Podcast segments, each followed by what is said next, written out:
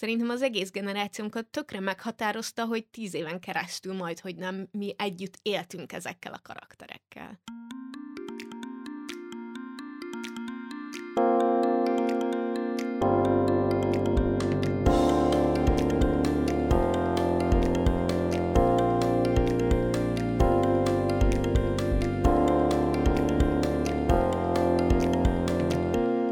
Sziasztok, ez itt a Párna Csata Podcast legújabb epizódja, én Viki vagyok. Én pedig Julcsi, és a mai epizód nagyon kózi lesz, elnézést azoktól, akiket idegesít már ez a szó. De az olvasásról fogunk beszélgetni Vikivel, az olvasási szokásainkról, kedvenc könyvekről, és igazából mindenről, ami ezzel a témával kapcsolatban eszünkbe fog jutni.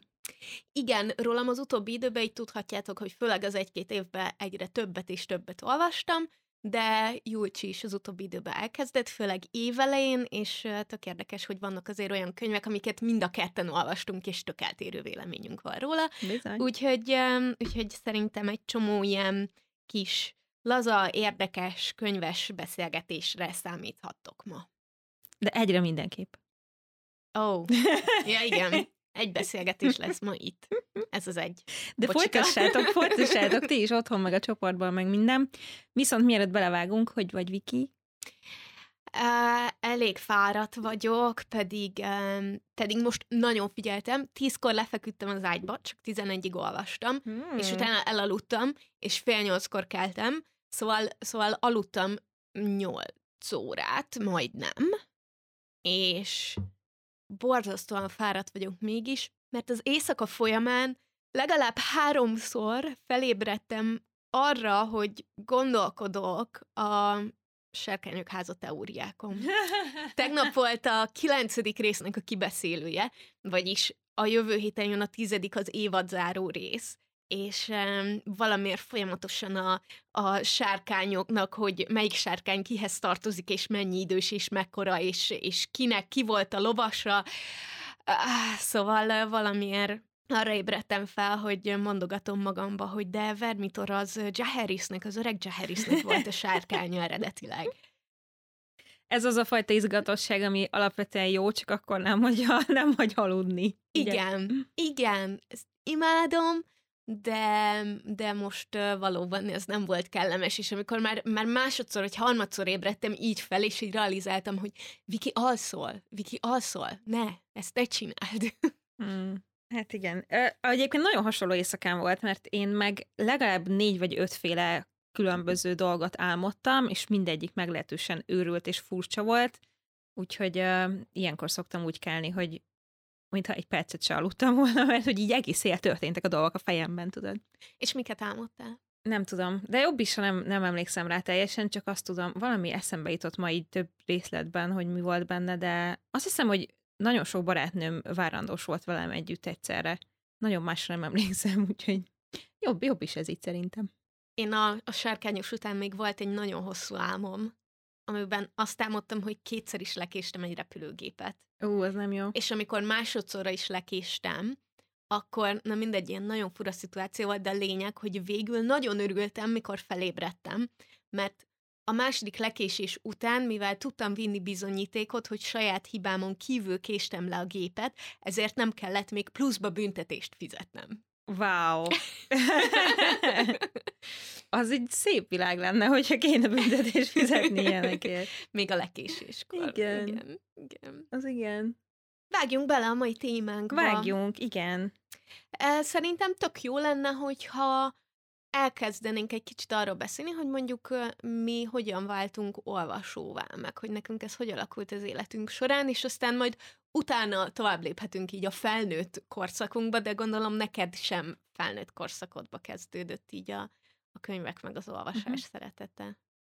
Hát az van, hogy amivel kezdődik a legtöbb gyereknek szerintem az olvasás, azok a kötelező olvasmányok, és erről ugye tudjuk, hogy nem feltétlenül jól vannak megválogatva, és nekem nagyon-nagyon kevés.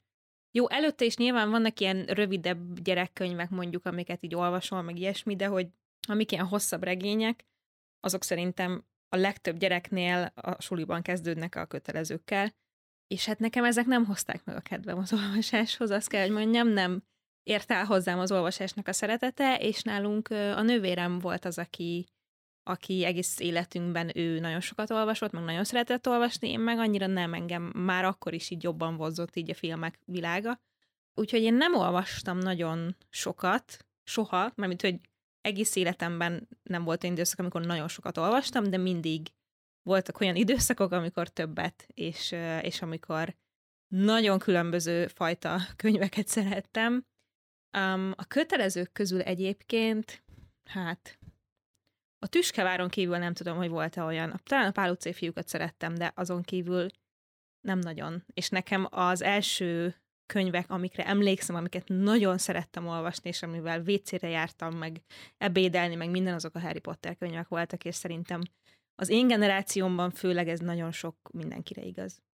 Igen, én emlékszem kisebb koromból is, hogy olvastam, és emlékszem arra, hogy anyukámmal mentünk a gyerekkönyvtárba, utána meg a felnőtt könyvtárba, hogy nekem is, meg neki is vegyünk ki könyveket. Az első, amire úgy igazán emlékszem, az a két Lotti volt, ami mm. kötelező olvasmány volt már, de egyébként korábbról emlékszem, hogy a könyvtárban melyik polcon volt, sötét-zöld, ilyen bőrhatású kötéses mesesorozat, aminek valami medve volt a főszereplője.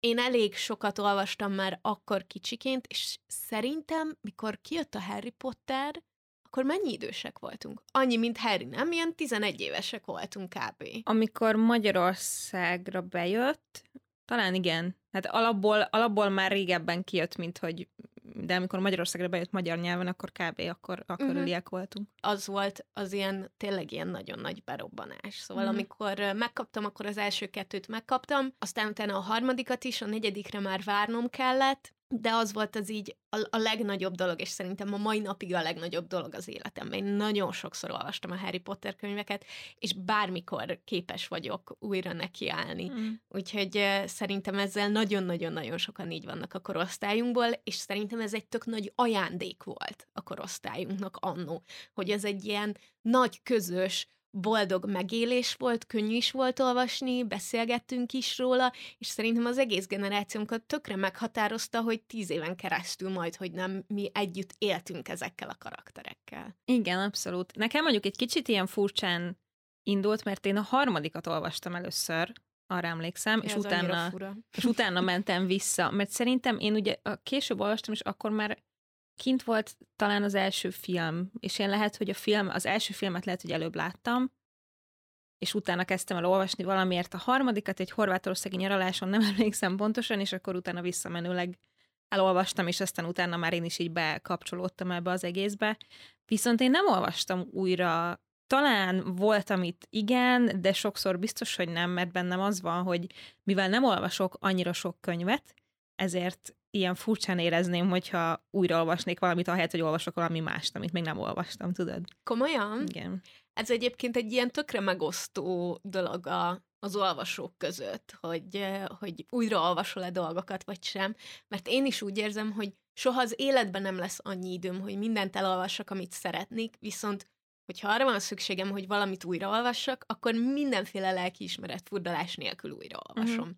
Szóval engem egyáltalán nem zavar, mert tudom, hogy nekem most arra a világra van szükségem, és nekem oda kell mennem, akkor is, hogyha ilyen, nem tudom, ilyen időpazarlás, és egyébként imádom az olyan, az olyan cikkeket, hogy nem tudom, 30 könyv, amit 30 éves korod előtt el kell olvasnod, és amikor a cikk abból áll, hogy amelyikeket akarod.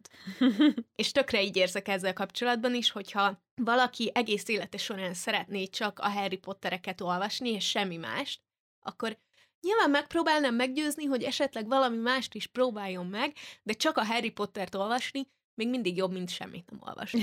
Szóval én, én újraolvasós is vagyok, és nekem abszolút semmi problémám nincs a, az újraolvasás jelenségével. Ja, nekem sincs vele semmi problémám, sőt, hát tudod jól, hogy sorozatokban, meg filmekben abszolút Igen. szeretem azt az újra dolgot, csak az nagyon más, mert olvasni nem tudsz multitaskolás közben filmet, sorozatot nézni, viszont igen, tehát be tudod tenni a háttérbe hangulatnak. Jó, tudom, hogy van audiobook, de majd erről is beszélünk, de az, hogy leülsz és olvasol egy könyvet, az nekem egy teljesen másfajta program, mint az, hogy nézek egy sorozatot, mert sorozatot nézni úgy is tudok, hogy nézem, ha mondjuk még nem láttam, meg úgy is, hogy csak megy, és közben csinálok dolgokat. Jó, de ez nem is igazi újranézés, nem? Miért? Nem tudom. nem tudom. Én sose voltam erre képes, hogy így a háttérben megy egy Mm. sorozat. Valahogy ez nekem annyira ilyen elképzelhetetlen. Nyilván van olyan, hogy nézek egy sorozatot, és akkor több egyszerre nézem, és közben nyomogatom a telefonomat, de, de hogy csak így, hogy menjen a háttérbe, soha nem szoktam. De abba abszolút egyetértek, hogy az olvasás az nekem is egy olyan dolog, amire így százszerzalékos figyelmet kell fordítanom, különben, tehát hogy azt így nem lehet félig csinálni. Nem, nem, még ennél is nehéz közben. Meg lehet oldani, de nem olyan könnyű. Ah, szoktam, problémákat okoz. a, múltkor, úristen, ö, tésztás levest ebédeltem, és közben próbáltam olvasni, így valaminek így magammal szembe, hát az asztalnál ültem. Nem, nem a kanapén ettem, hanem az asztalnál ülve, és így valaminek neki támasztottam a könyvet, és a könyvbe egyébként nem is tettem kárt, de magamban. Tehát, hogy amikor így nem tudom, így, így olvastam, és akkor közben, ahogy a tésztát így szívtam be, és akkor tudod, így rácsapódott így a pólomra a tészta, meg hogy ilyen egy káosz volt. Nagyon figyeltem rá, hogy a könyvnek ne legyen baja, de, de saját magamat nem tudtam megóvni. Mm. Néha egyébként még a kávézás is ilyen. Van őszintén szólva egy-egy könyv, amiben van kávéfoltom, sőt, ami igazán rossz, az a kézkrémezés után olvasni. Mert akkor kicsit ilyen olajos az ember keze, és hogyha megfogom ott, ahol szöveg is van, akkor azt ott egy kicsit szétmosom, és ilyenkor mindig rosszul vagyok magamtól, hogy Akkor te ilyen kesztyűben, steril környezetben olvasós ember vagy, ezek szerint. nem, csak utálom, amikor megelőzhetnék valami katasztrófát, és, De és nem éled meg azt, hogy egy csepp kávé kerül a könyvedbe?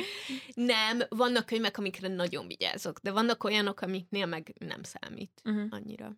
Mielőtt kicsit tovább megyünk az idősebb kori, mondjuk a kamaszkori olvasmányainkba, még azért azt el akartam mondani, hogy vannak gyerekkönyvek, amiket én nagyon-nagyon szerettem, mármint hogy egy sorozat kifejezetten, most biztos van sok mesekönyv, amit így olvastak nekünk, meg olvastunk, de a Márti sorozat az nekem nagyon-nagyon meghatározó volt, mert nagyon sok könyv, könyvet adtak ki már akkor is, és a mai napig is egyébként vannak újak, úgyhogy még mindig megveszem, hogyha találok. Most már rá indokom is, de eddig nem nagyon volt, és gyönyörű illusztrációk voltak benne, és ez a, tudod, ilyen kis egy könyv az egy kis történet volt, de én ezeket nagyon-nagyon szerettem, és valamikor beszéltem is róla már a neten, és többen kapcsolódtak hozzám, úgyhogy ez is egy olyan, ami vagy nem ismeri egyáltalán így a generációnk, vagy nekik is ilyen nagyon, nagyon meghatározó volt, és ezek olyan jók, szerintem. Nekem amilyen fiatalkori olvasmányom volt, és nem tínédzser, hanem tényleg még gyerekkoromban is. Emlékszem is a pillanatra, amikor, amikor talán anyukám is realizálta, hogy mi, mi, mi ez a könyvsorozat, amit olvasok, mert szerintem egy idő után csak az volt, hogy így összepakoltam, és akkor egyszerre hat könyvet így hoztam a könyvtárból, és akkor elolvastam őket, és nyilván egy ponton túl valószínűleg anyukám így nem tartotta számon, mert a gyerekkönyvtárban értett gyerekeknek való könyvek vannak. De emlékszem, hogy a negyedik kötetét olvastam a Bal szerencse áradása című sorozatnak, ami valóban már a címe is nem egy kifejezetten gyerekeknek szóló, de a sztoria ráadásul egy család gyerekeiről szól, és a szülők meghalnak, és egy a gonosz nagybácsi akarja magához venni őket, hogy az összes pénzüket ellopja.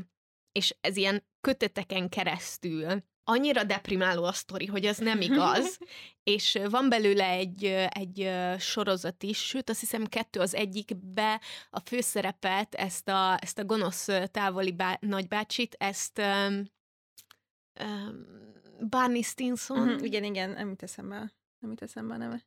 ö, Patrick, Neil Patrick Harris. Neil Patrick Harris. Neil Patrick Harris játsza, és ö, megnéztem a sorozatot, és akkor is rájöttem, hogy nem hiszem el, hogy ezt, én ezt gyerekkönyvben olvastam egyszer, de ez volt az egyik kedvenc gyerekkori könyvsorozatom, úgyhogy így visszagondolva már akkor látszott, hogy problémák vannak. Már akkor is az ilyen nagyon nyomasztó dolgokat szerettem ezek Mm. szerint. Igen, arra emlékszem, én sose olvastam, de emlékszem, hogy az akkoriban nagy, nagy dolog volt. Meg voltak még a Harry Potteren kívül ilyen, ilyen sláger könyvek, meg sorozatok abban az időben. már akkor is az ilyen, az ilyen fantaziket, az ilyen varázslós sztorikat szeretem, valószínűleg a Harry Potter mellett az ilyenek voltak, amik igazán behúztak. Uh-huh. Igen, mert ezek egy olyan világot teremtettek szerintem, amik így itatták magukat így velünk, mint, mint gyerekek, akik így kíváncsiak voltak erre, meg, meg a fantáziánkat így nagyon, nagyon-nagyon megmozgatta. Azt gondolom, hogy talán akkor még sokkal, sokkal kevésbé volt éles a határa valóság és a varázslat között. Szóval úgy érzem, mintha akkor sokkal könnyebben el tudtam volna képzelni dolgokat, és nyilván nem gondoltam azt, hogy ez a valóságban megtörténhet, de hogy amikor olvastam, akkor azért így a Harry Potter így a fejembe valóságos volt. Mm. Szóval valahogy úgy érzem, hogy minthogyha a gyermeki agyam, amikor olvastam, az ilyen sokkal, sokkal átjárhatóbb volt a, a valóság, meg a, meg a képzeletbeli világ. Igen, lehet. A következő egy kicsit nagy, nagy ugrás volt így a Harry Potter után, mert így a, hát hívjuk kamasz éveknek, most nem emlékszem, hogy pontosan hány évesen, de ilyen 16, 17, 18 körül nekem a kedvenc könyvem az Kunderának a lételviselhetetlen könnyűsége volt. Ennek már a címe is borzasztó Figyelj, bocsánat. Ez egy nagyon jó könyv, nyilvánvalóan, de most már nem lennék képes elolvasni szerintem. Szóval, hogy ott, ott volt egy ilyen sötét kamasz, kamasz időszakom, amikor amikor nagyon szerettem az ilyen könyveket, és Kunderának még a búcsúkeringő volt, amit olvastam, és az többször is, mert abból egy ilyen darabot is csináltunk a színjátszókörrel, illetve a száz év magányt is akkor olvastam, és azt se hiszem, hogy újra olvasnám. És nem igazán tudom, hogy hogy, hogy jutott be akkor hozzám, szóval, hogy ezek azért nem könnyű olvasmányok, főleg így a Harry Potter, Harry Potter után, de, de valahogy akkor ez volt abban az időszakban a, a légkör, vagy nem is tudom. Én pont, hogy ilyen nagyon könnyedeket olvastam, amiket most már azért kevésbé. Én a, az a sorozat, amiből elolvastam, azt hiszem 11 kötetet, de hogy sokkal több van még belőle, az az Anita Blake vampírvadász.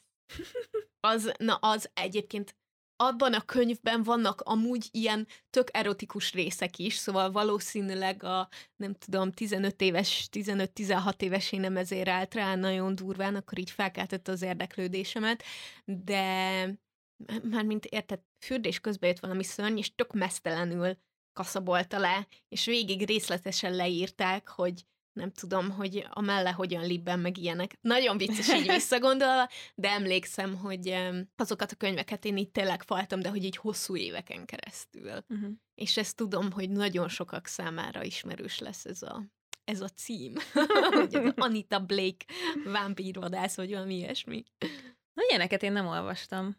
Nem tudom, valahogy nekem a gimi, a gimi az már ilyen, ilyen, ilyen olvasmányokról szólt, akkor Márainak a füves könyvét is nagyon sokat lapoztam például, meg akkoriban olvastam verseket. Hát nyilván így a, az irodalom órák, meg faktos is voltam, ha jól emlékszem, a, wow. akkor az így, az így nagyon közel állt hozzám ez az egész, és sokkal jobban érdekelt így minden, minden oldalról. De akkor sem olvastam nagyon sokat, inkább csak ilyen nagyon válogatott dolgokat, és egyébként akkor én sokat jártam könyvtárban, és aztán mondta, hogy kivettem öt könyvet, amiből kettőt olvastam el, és, és aztán lejárt, úgyhogy visszavittem a többit, de hogy így Ez szerintem mindenkivel előfordult. Igen? Persze. Jó, akkor jó. Akkor jó.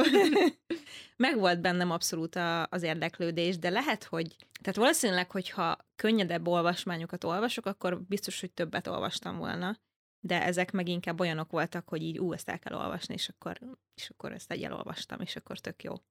Én ezeket nem tudtam elolvasni, szóval én kötelezők közül én lehet, hogy egyet sem olvastam. Komolyan? De hát ez muszáj, azt hogy? És akkor hogy voltál? A két lottit biztos, hogy elolvastam. Azt hiszem a kincskereső kisködmöndön is keresztül verekedtem magam, de, jó, de ezek gimibe, ilyen, ezek ilyen alsó tagozatos dolgok. A kőszívű, az egri csillagok, ezek nem. az igazán fájdalmas dolgok, ezeket a nem kö, olvastad A kőszívűnek azt hiszem, az két kötetesbe volt meg nekünk, és az első kötetet se tudtam végigolvasni. Az egri csillagokat se olvastam. Aminek nekiálltam, az a az az édes Anna volt, és uh-huh. annyira nyomorultul haladtam vele, hogy egy ponton így abba hagytam, hogy mondom, nem, nem igaz. És amikor visszajöttünk nyári szünetről, és az volt, hogy beszélni kell a nyári kötelező olvasmányról, akkor aki mellettem ült, az így, amúgy aki mellettem ült, Zsuzsi, innen is nagyon köszönöm, ő nagyon sokat hozzátett a, a középiskolai tanulmányaimhoz, de hogy, hogy mindig elmesélte, hogy mi volt a kötelezőbe, és amikor így odaért az édesannának ahhoz a pontjához, amikor így Szóval ez egy tök unalmas könyv volt egy szolgáló lányról, uh-huh.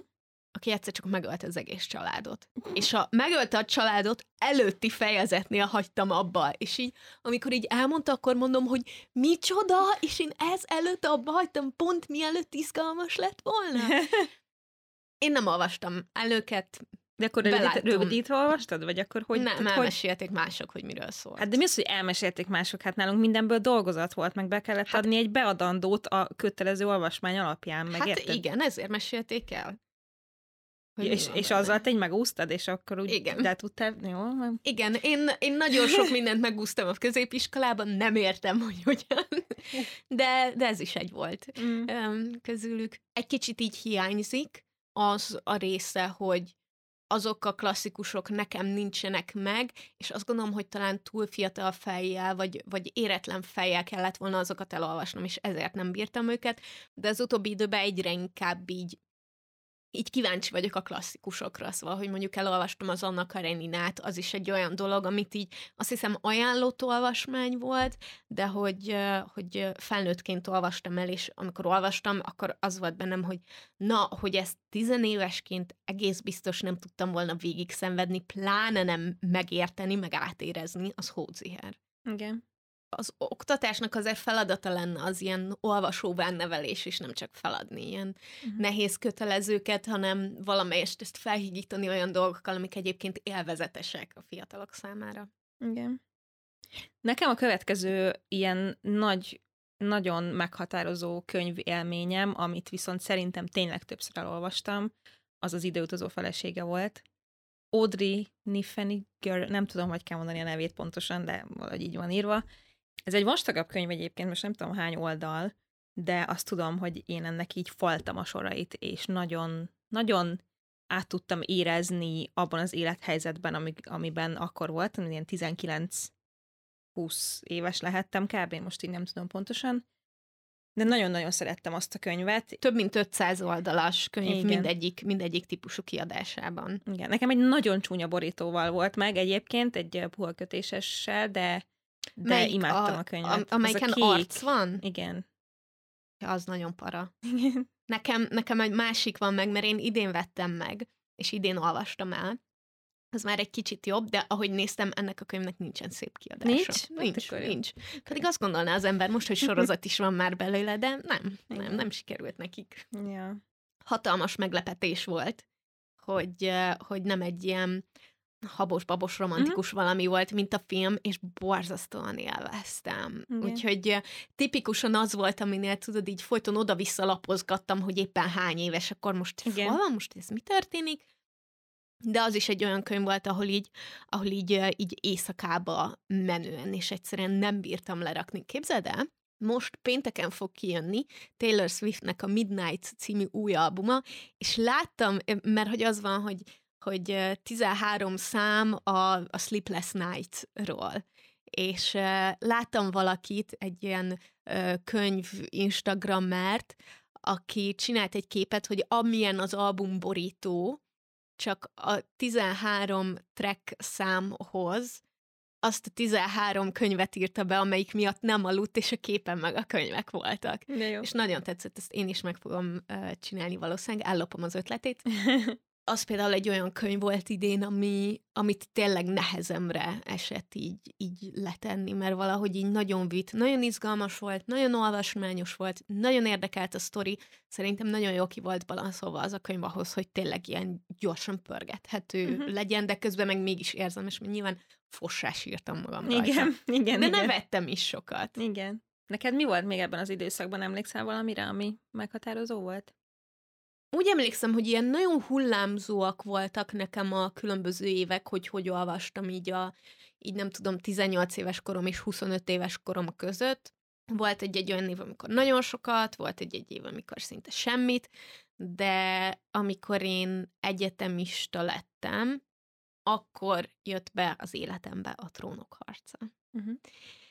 Úgyhogy én azt szerintem hmm, több mint tíz éve olvastam az első kötetét. Tudom, hogy első éves voltam az egyetemen.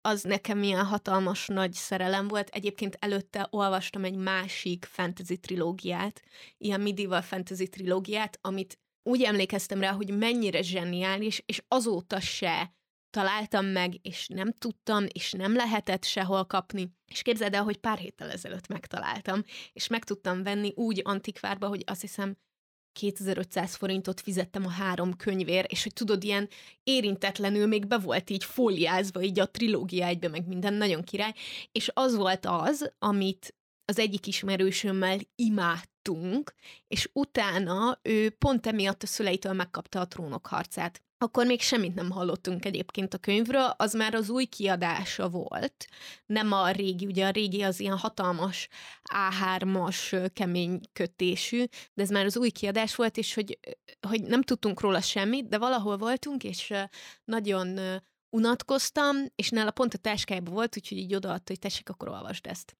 és ott aztán így nagyon, nagyon-nagyon lecsúsztam ebbe a trónok harca világba, szóval nyilván az, az egy olyan könyv, amit viszonylag nehezebb lepörgetni, mert hogy az első az ilyen 500 oldalas, vagy 600, a második az már ilyen 700, és a harmadiktól meg már ilyen 1000 oldalasak.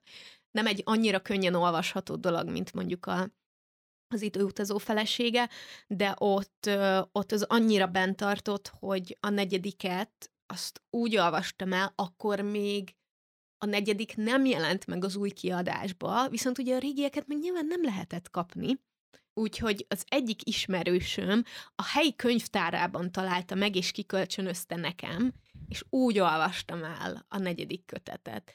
De hogy az, az engem nagyon durván beszippantott, és hát nyilván utána, meg miután jött a sorozat, meg minden azóta Ja, igen, elmondtam, hogy a sárkányok házával aludtam, szóval ez egy olyan meghatározó dolog, amit tényleg most már több mint tíz, talán tizenkettő éve ilyen meghatározó része az életemnek. Uh-huh.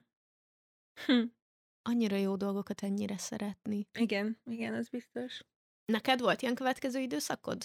A következő időszakom arról volt ismert, hogy egyáltalán nem olvastam. Az a helyzet, hogy Hát az egyetemen inkább azzal voltam elfoglalva, amit olvasni kellett, megnézni kellett, szóval, hogy valahogy olvasni nekem... is kellett? Persze. Tényleg? Könyveket kellett olvasni? Az egyetemen? A bölcsészkaron? Aha. Oh. Oh, okay.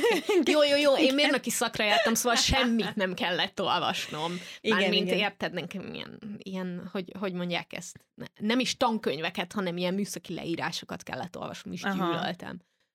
Nem, hát nekünk kellett könyveket is, de, de a filmek az, az több volt, tehát hogy nagyon sok kötelező film volt, ami ilyen nagyon fun, meg jól hangzik, de nem Die Hardot kellett nézni ilyen nappal, meg nem tudom, Friends-et, hanem nyilván olyan filmeket, ami ez nem mindig volt kedved.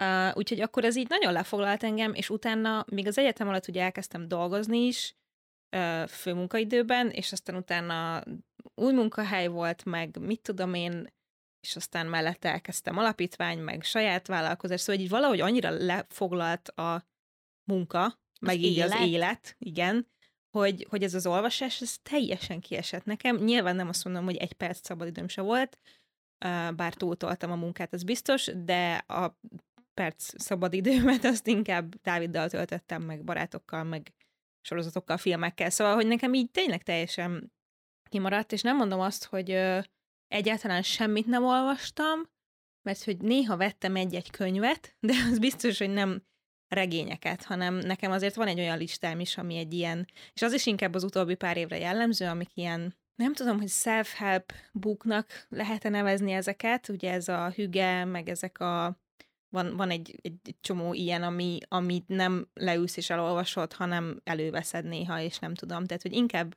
ilyeneket vettem, és most egy pár éve, konkrétan kettő szerintem kezdtem el újra akarni olvasni, és ezt így az életem részévé tenni. De az a helyzet, hogy nekem ez azért nagyon nehéz visszaintegrálni ezt, ezt az életembe, mert ahhoz nagyon nem vagyok hozzászokva, hogy itthon olvasok. Hogyha elutazunk valahova, mondjuk nyáron a Balatonra vagy ilyesmi, akkor simán olvasok egy hét alatt egy könyvet, és akkor baromira élvezem, és nagyon jól érzem magam ettől, de egyszerűen az itthoni mindennapokban nem tudom beilleszteni az olvasást, és ennek az az oka...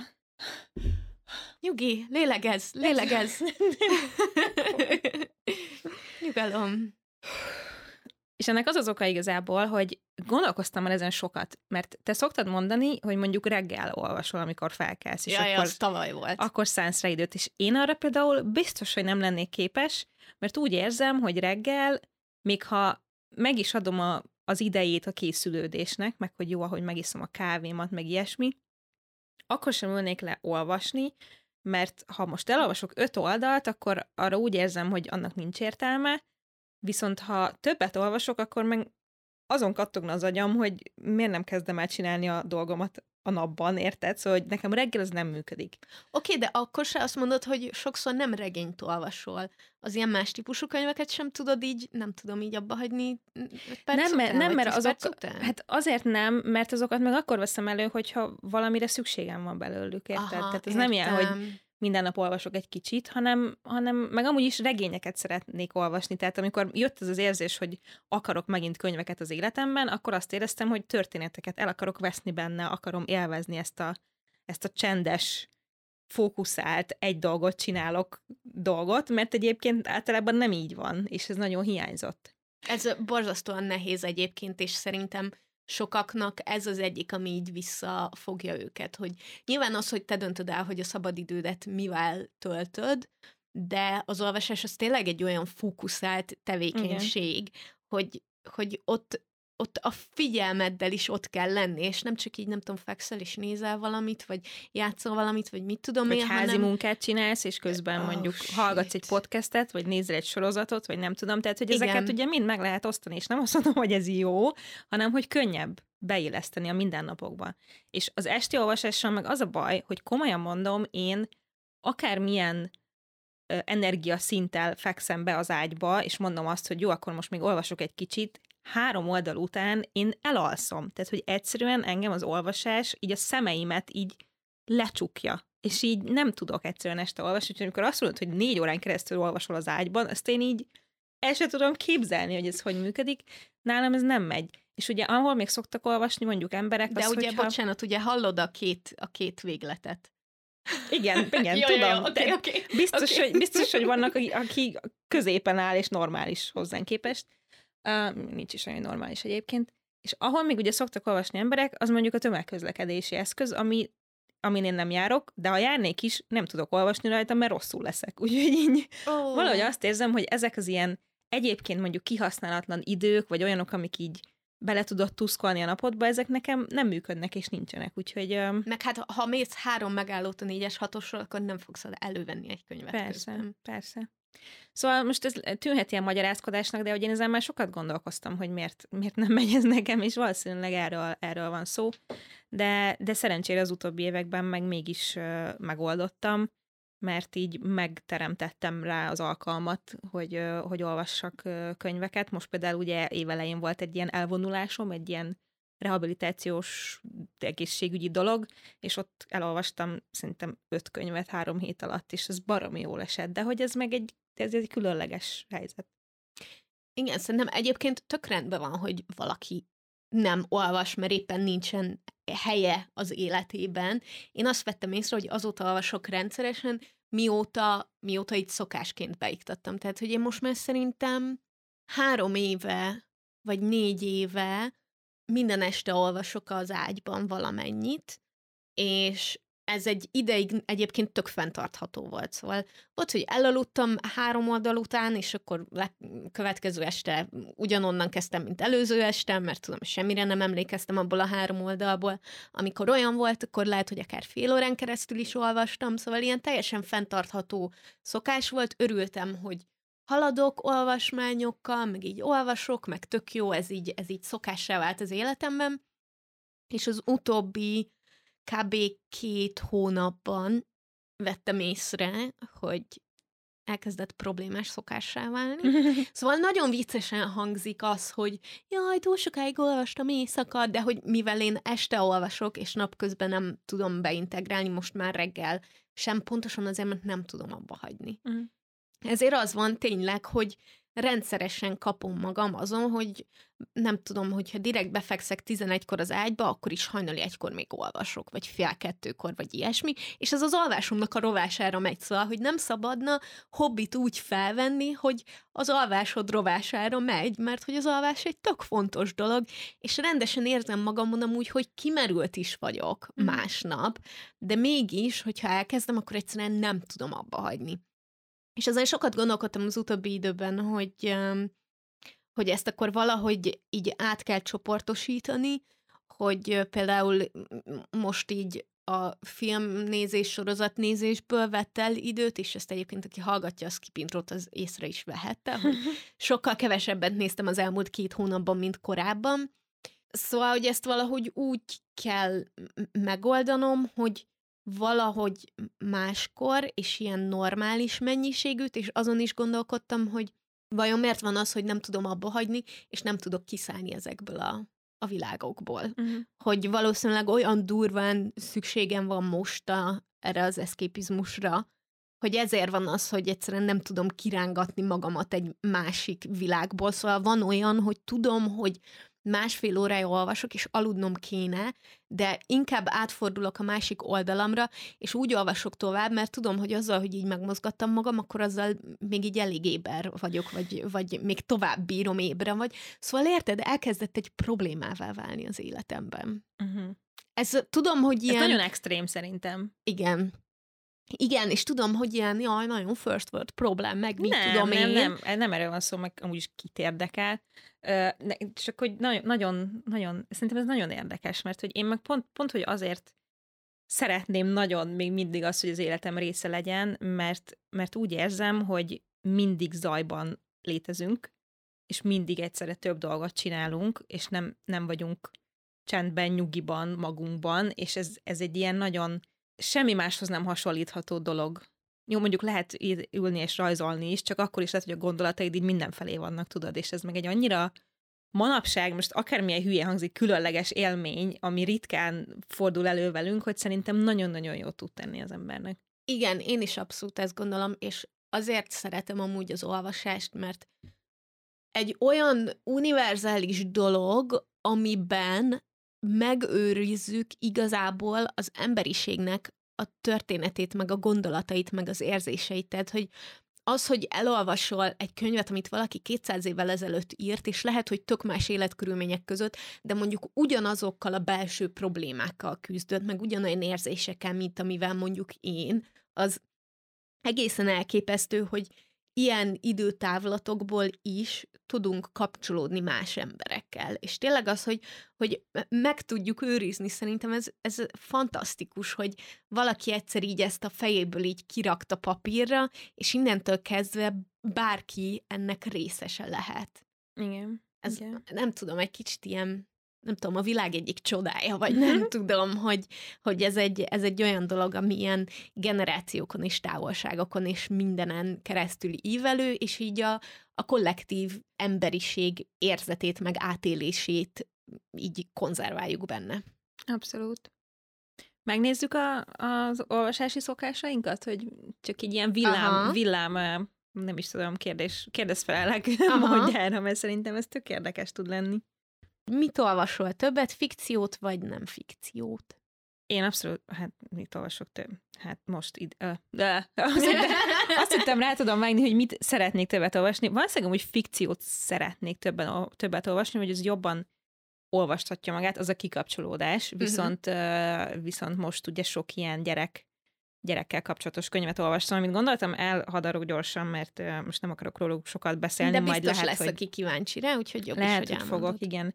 Amit nagyon sokan ajánlottak, az Aina May Gaskinnek az útmutató a szüléshez, meg az útmutató a szoptatáshoz. Ő egy ilyen nagyon-nagyon-nagyon híres bába, aki, aki írta ezt, ezeket a könyveket, és az a helyzet, hogy, és tudom, hogy nagyon sok nőnek a bibliája ez konkrétan, én az első, hát ugye felét olvastam el a könyvnek, és aztán le kellett tennem, mert annyira intenzíven csak a hüvei úton való szülésre koncentrál, és így kicsit démonizálja szerintem a császárt, hogy így marhára nem éreztem magam megszólítva. Egyébként tök jó a könyv, tehát értem, hogy miért szeretik, mert tök sok erőt ad, meg így mit tudom én, de hogy azt nekem így le kell tennem.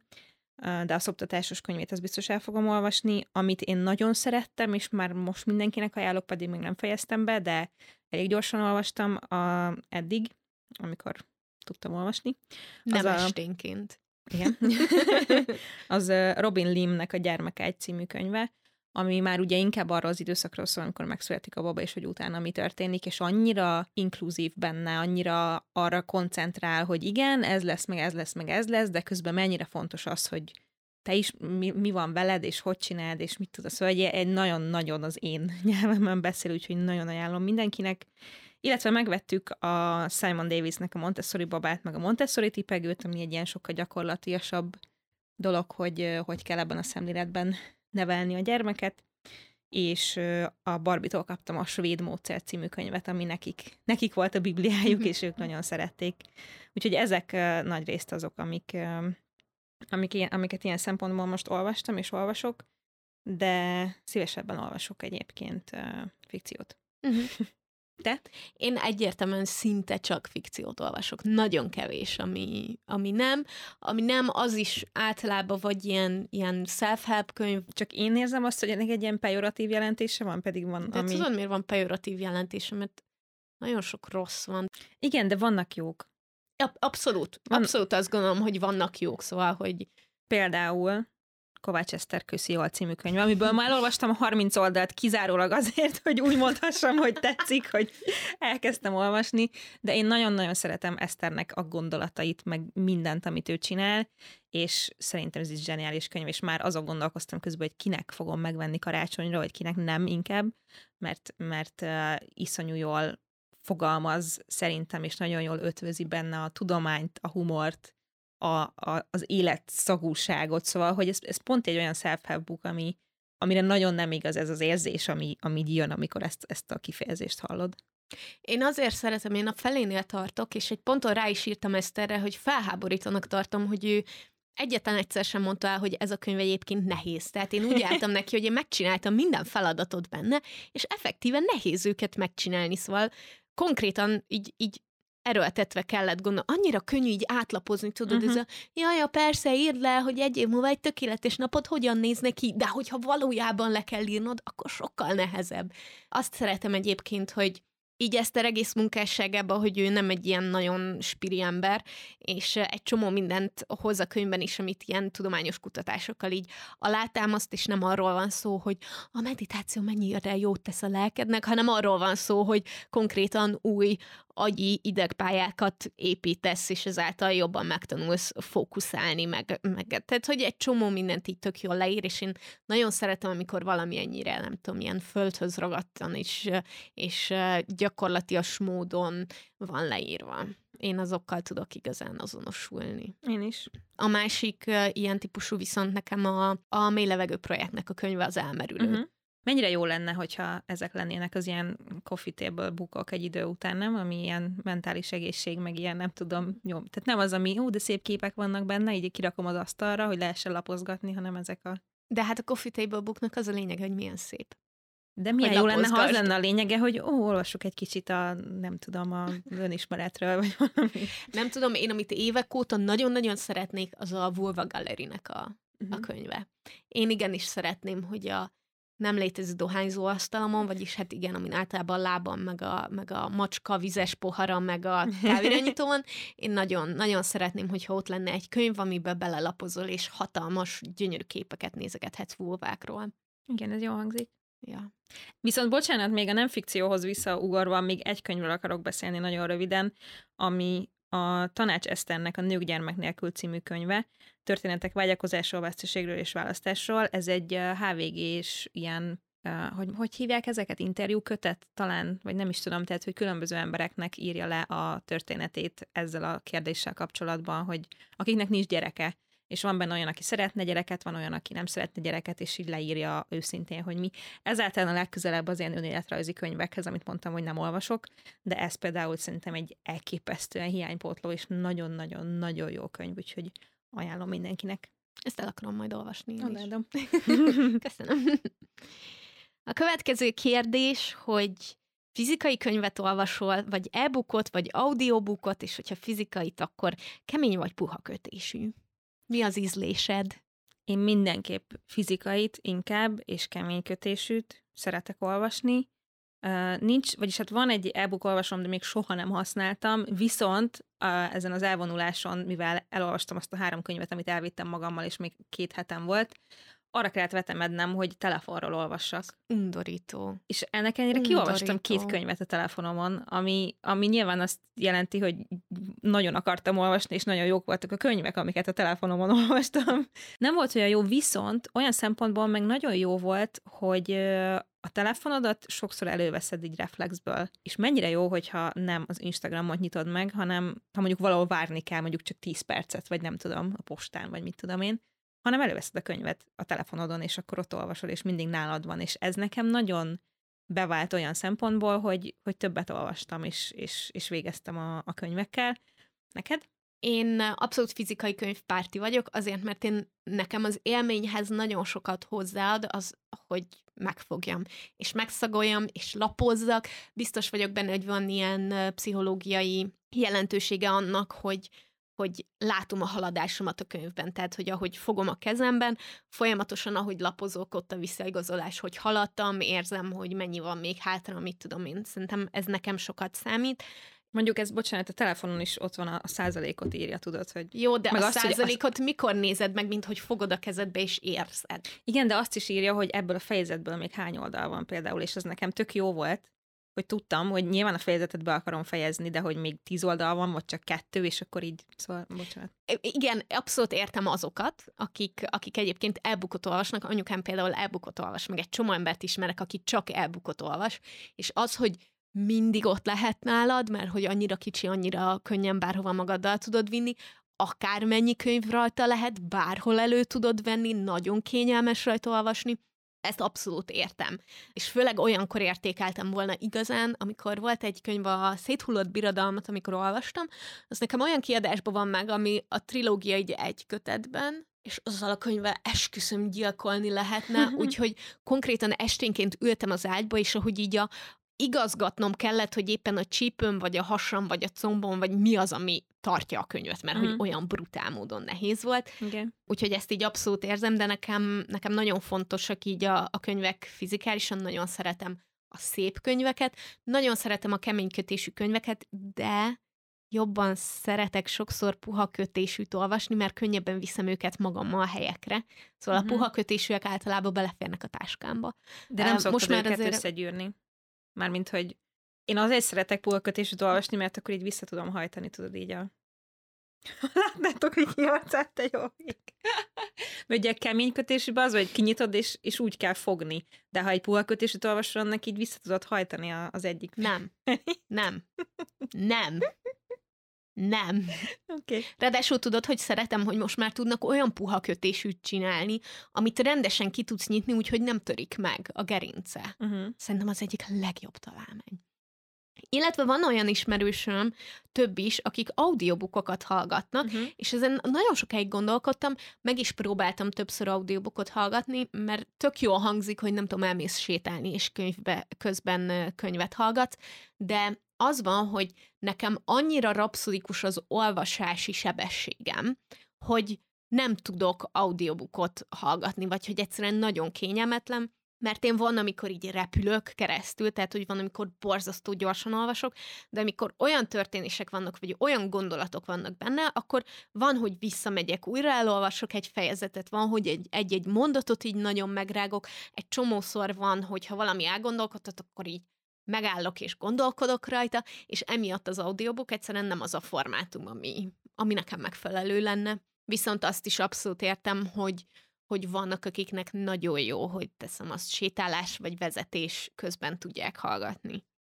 Igen, igen, az audiobookkal én is úgy vagyok, nem válaszoltam, hogy tök jó a koncepció, és tudom, hogy nagyon sokan szeretik, csak nekem ez kiveszi az olvasásnak azt a részét, amiről ugye beszéltünk, hogy nem tudsz multitaskolni mellette, mert az audiobook közben tudsz, és, és valahogy mindig vagy zenét hallgatok, vagy, vagy podcastet hallgatok, vagy sorozatot nézek, hallgatok inkább, amikor valami más csinálok közben, de, de abszolút nem akarom elvetni, hogy fogok majd ilyet, csak azt még nem tudom elképzelni, hogy leülök egy székre és audiobookot hallgatok. Tehát mintha olvasnák, olvasnék, csak hallgatom, és közben én nem csinálok semmit, szóval hogy az ilyen nagyon furcsa. Ja, azt furcsa nem hangzik. hiszem, hogy bárki úgy csinálja. Ja. Fontosnak tartom egyébként itt elmondani, hogy pont ugyanúgy, mint filmek, sorozatok és videójátékok esetében is, én abszolút annak a pártján vagyok, hogyha valamit el akartok olvasni, akkor vagy vásároljátok meg, szóval, hogy vagy menjetek be, vegyétek meg a könyvesboltba a fizikai könyvet, vagy e-bookot. Azt tudom, hogy az e-book az, amit a legtöbben letöltenek, illegális forrásokból, illetve az audiobookokban is vannak már olyan előfizetéses rendszerek, mint az Audible, ahol viszonylag olcsón hozzá lehet ezekhez jutni legális forrásból. Még az is sokkal jobb szerintem, mint hogyha valaki mondjuk letorrentezi, és én abszolút a mellett vagyok, hogyha valamit el akarunk olvasni, akkor azt legálisan tegyük meg.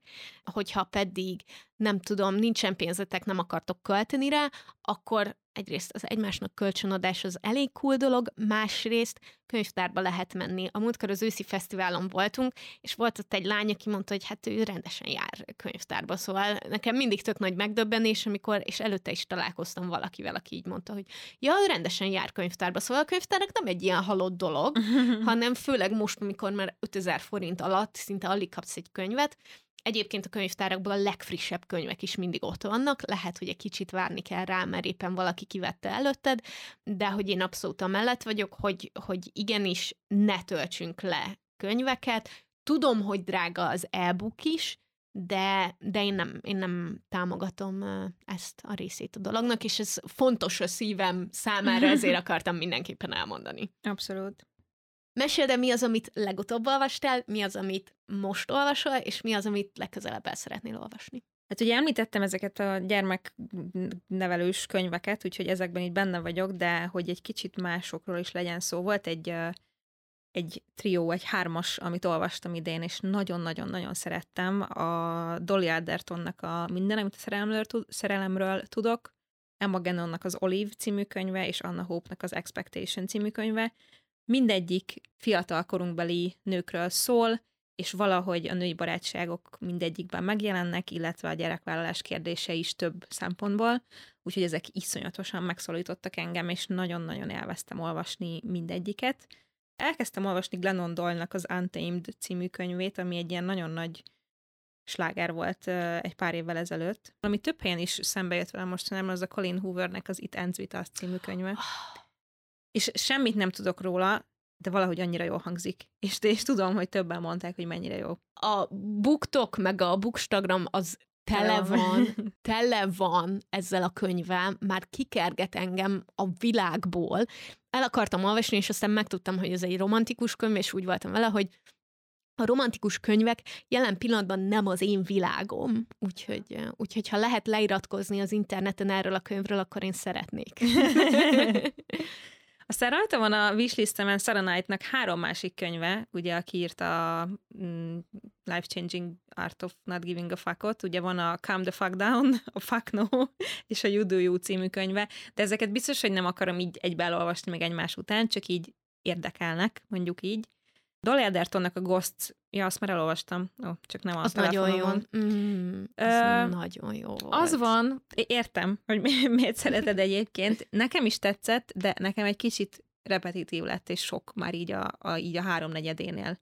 Szóval így, úgy, tudom, igen, tudom, tudom, de így azt éreztem, hogy így elfáradtam, hogy így nem, nem tudom, valahogy nem, nem vitt magával, pedig én nagyon szeretem azt, hogy ő ír, szerintem baromi jó stílusa van. Igen, mert ez a könyv egy, egy 30-as szingli csajról szól, és abszolút értem, hogy neked nehezebb volt vele azonosulni, én viszont abszolút a magaménak éreztem őt. Hogy így, Igen, ah. de valameddig tudtam, meg érdekelt tökre, meg, meg érted a Minden, amit a szerelemről tudok című másik könyve is egy, egy szingli nőről szól, tehát hogy, hogy nem, nem ez volt, csak itt így, így nagyon, nagyon egy, egy téma, vagy egy sémára épült mm-hmm. az egész, de, de, hogy, de hogy ettől függetlenül tök jó. Én, amit legutóbb kiolvastam, az Naomi Noviknak a Solomancia, vagy Skolomance című trilógiájának az első két kötete, a végzetiskolája, illetve most nyáron jelent meg magyarul az utolsó tanítvány. Ezzel a könyvvel az a helyzet, hogy nem tudom mindenkinek ajánlani, ez egy nagyon fura fantasy, amiután el, elolvastam a második kötetet, akkor felmentem azonnal Redditre, van saját subredditje a könyvnek, hogy mondom, ezt el kell olvasnom más emberek gondolatait erről a könyvről, meg hogy erről a világról, a világnak a működéséről, és akkor szembesültem vele, hogy a trilógiának a harmadik része az egy hónap jelent meg angolul, ami azt jelenti, hogy Redditen az összes posztnál kint volt a spoiler tag, és így ültem, hogy ezek szerint egyetlen egyet sem tudok belőle elolvasni, mert mindegyik ugye tele volt a harmadik könyves spoilerrel, úgyhogy kicsit így magamra maradtam, hogy, hogy, hogy vajon kivel, és hogyan tudnám megbeszélni így az első két kötet után, hogy mi ezzel, úgyhogy légy szíves jelentkezzetek a DM-jeimben. Egyébként nagyon vicces, hogy, hogy Instán mennyire örülnek az emberek, meg Twitchen is, amikor elkezdek könyvekről beszélni. Amit most olvasok, az az Ehavi Niok közös könyv, a Nincs időm olvasni kihívás. Ez az első közös könyv, amit olvasok, ez ugye Szabadosságinak a könyvklubja, és most a könyv, az, fú, nem fogom tudni megmondani az íróját, de az a címe, hogy a könyvlista, és hát kb. a harmadánál tartok is egy ilyen nagyon-nagyon kedves történet igazából arról, hogy a könyvek hogyan hozzák közel egymáshoz az embereket. Amit pedig legközelebb el fogok olvasni, az az Olive című könyv lesz, mert én azt jócsitól megkaptam a szülinapomra, és azóta se e, került rá sor, mert mindig volt valami, amit így azonnal valami miatt el kellett olvasnom. És ezt így tologatom magam előtt egy ide, és az volt bennem, hogy, hogy valamiért így ahhoz kötöttem, hogy Louise megérkezése előtt mindenképpen el kell olvasnom.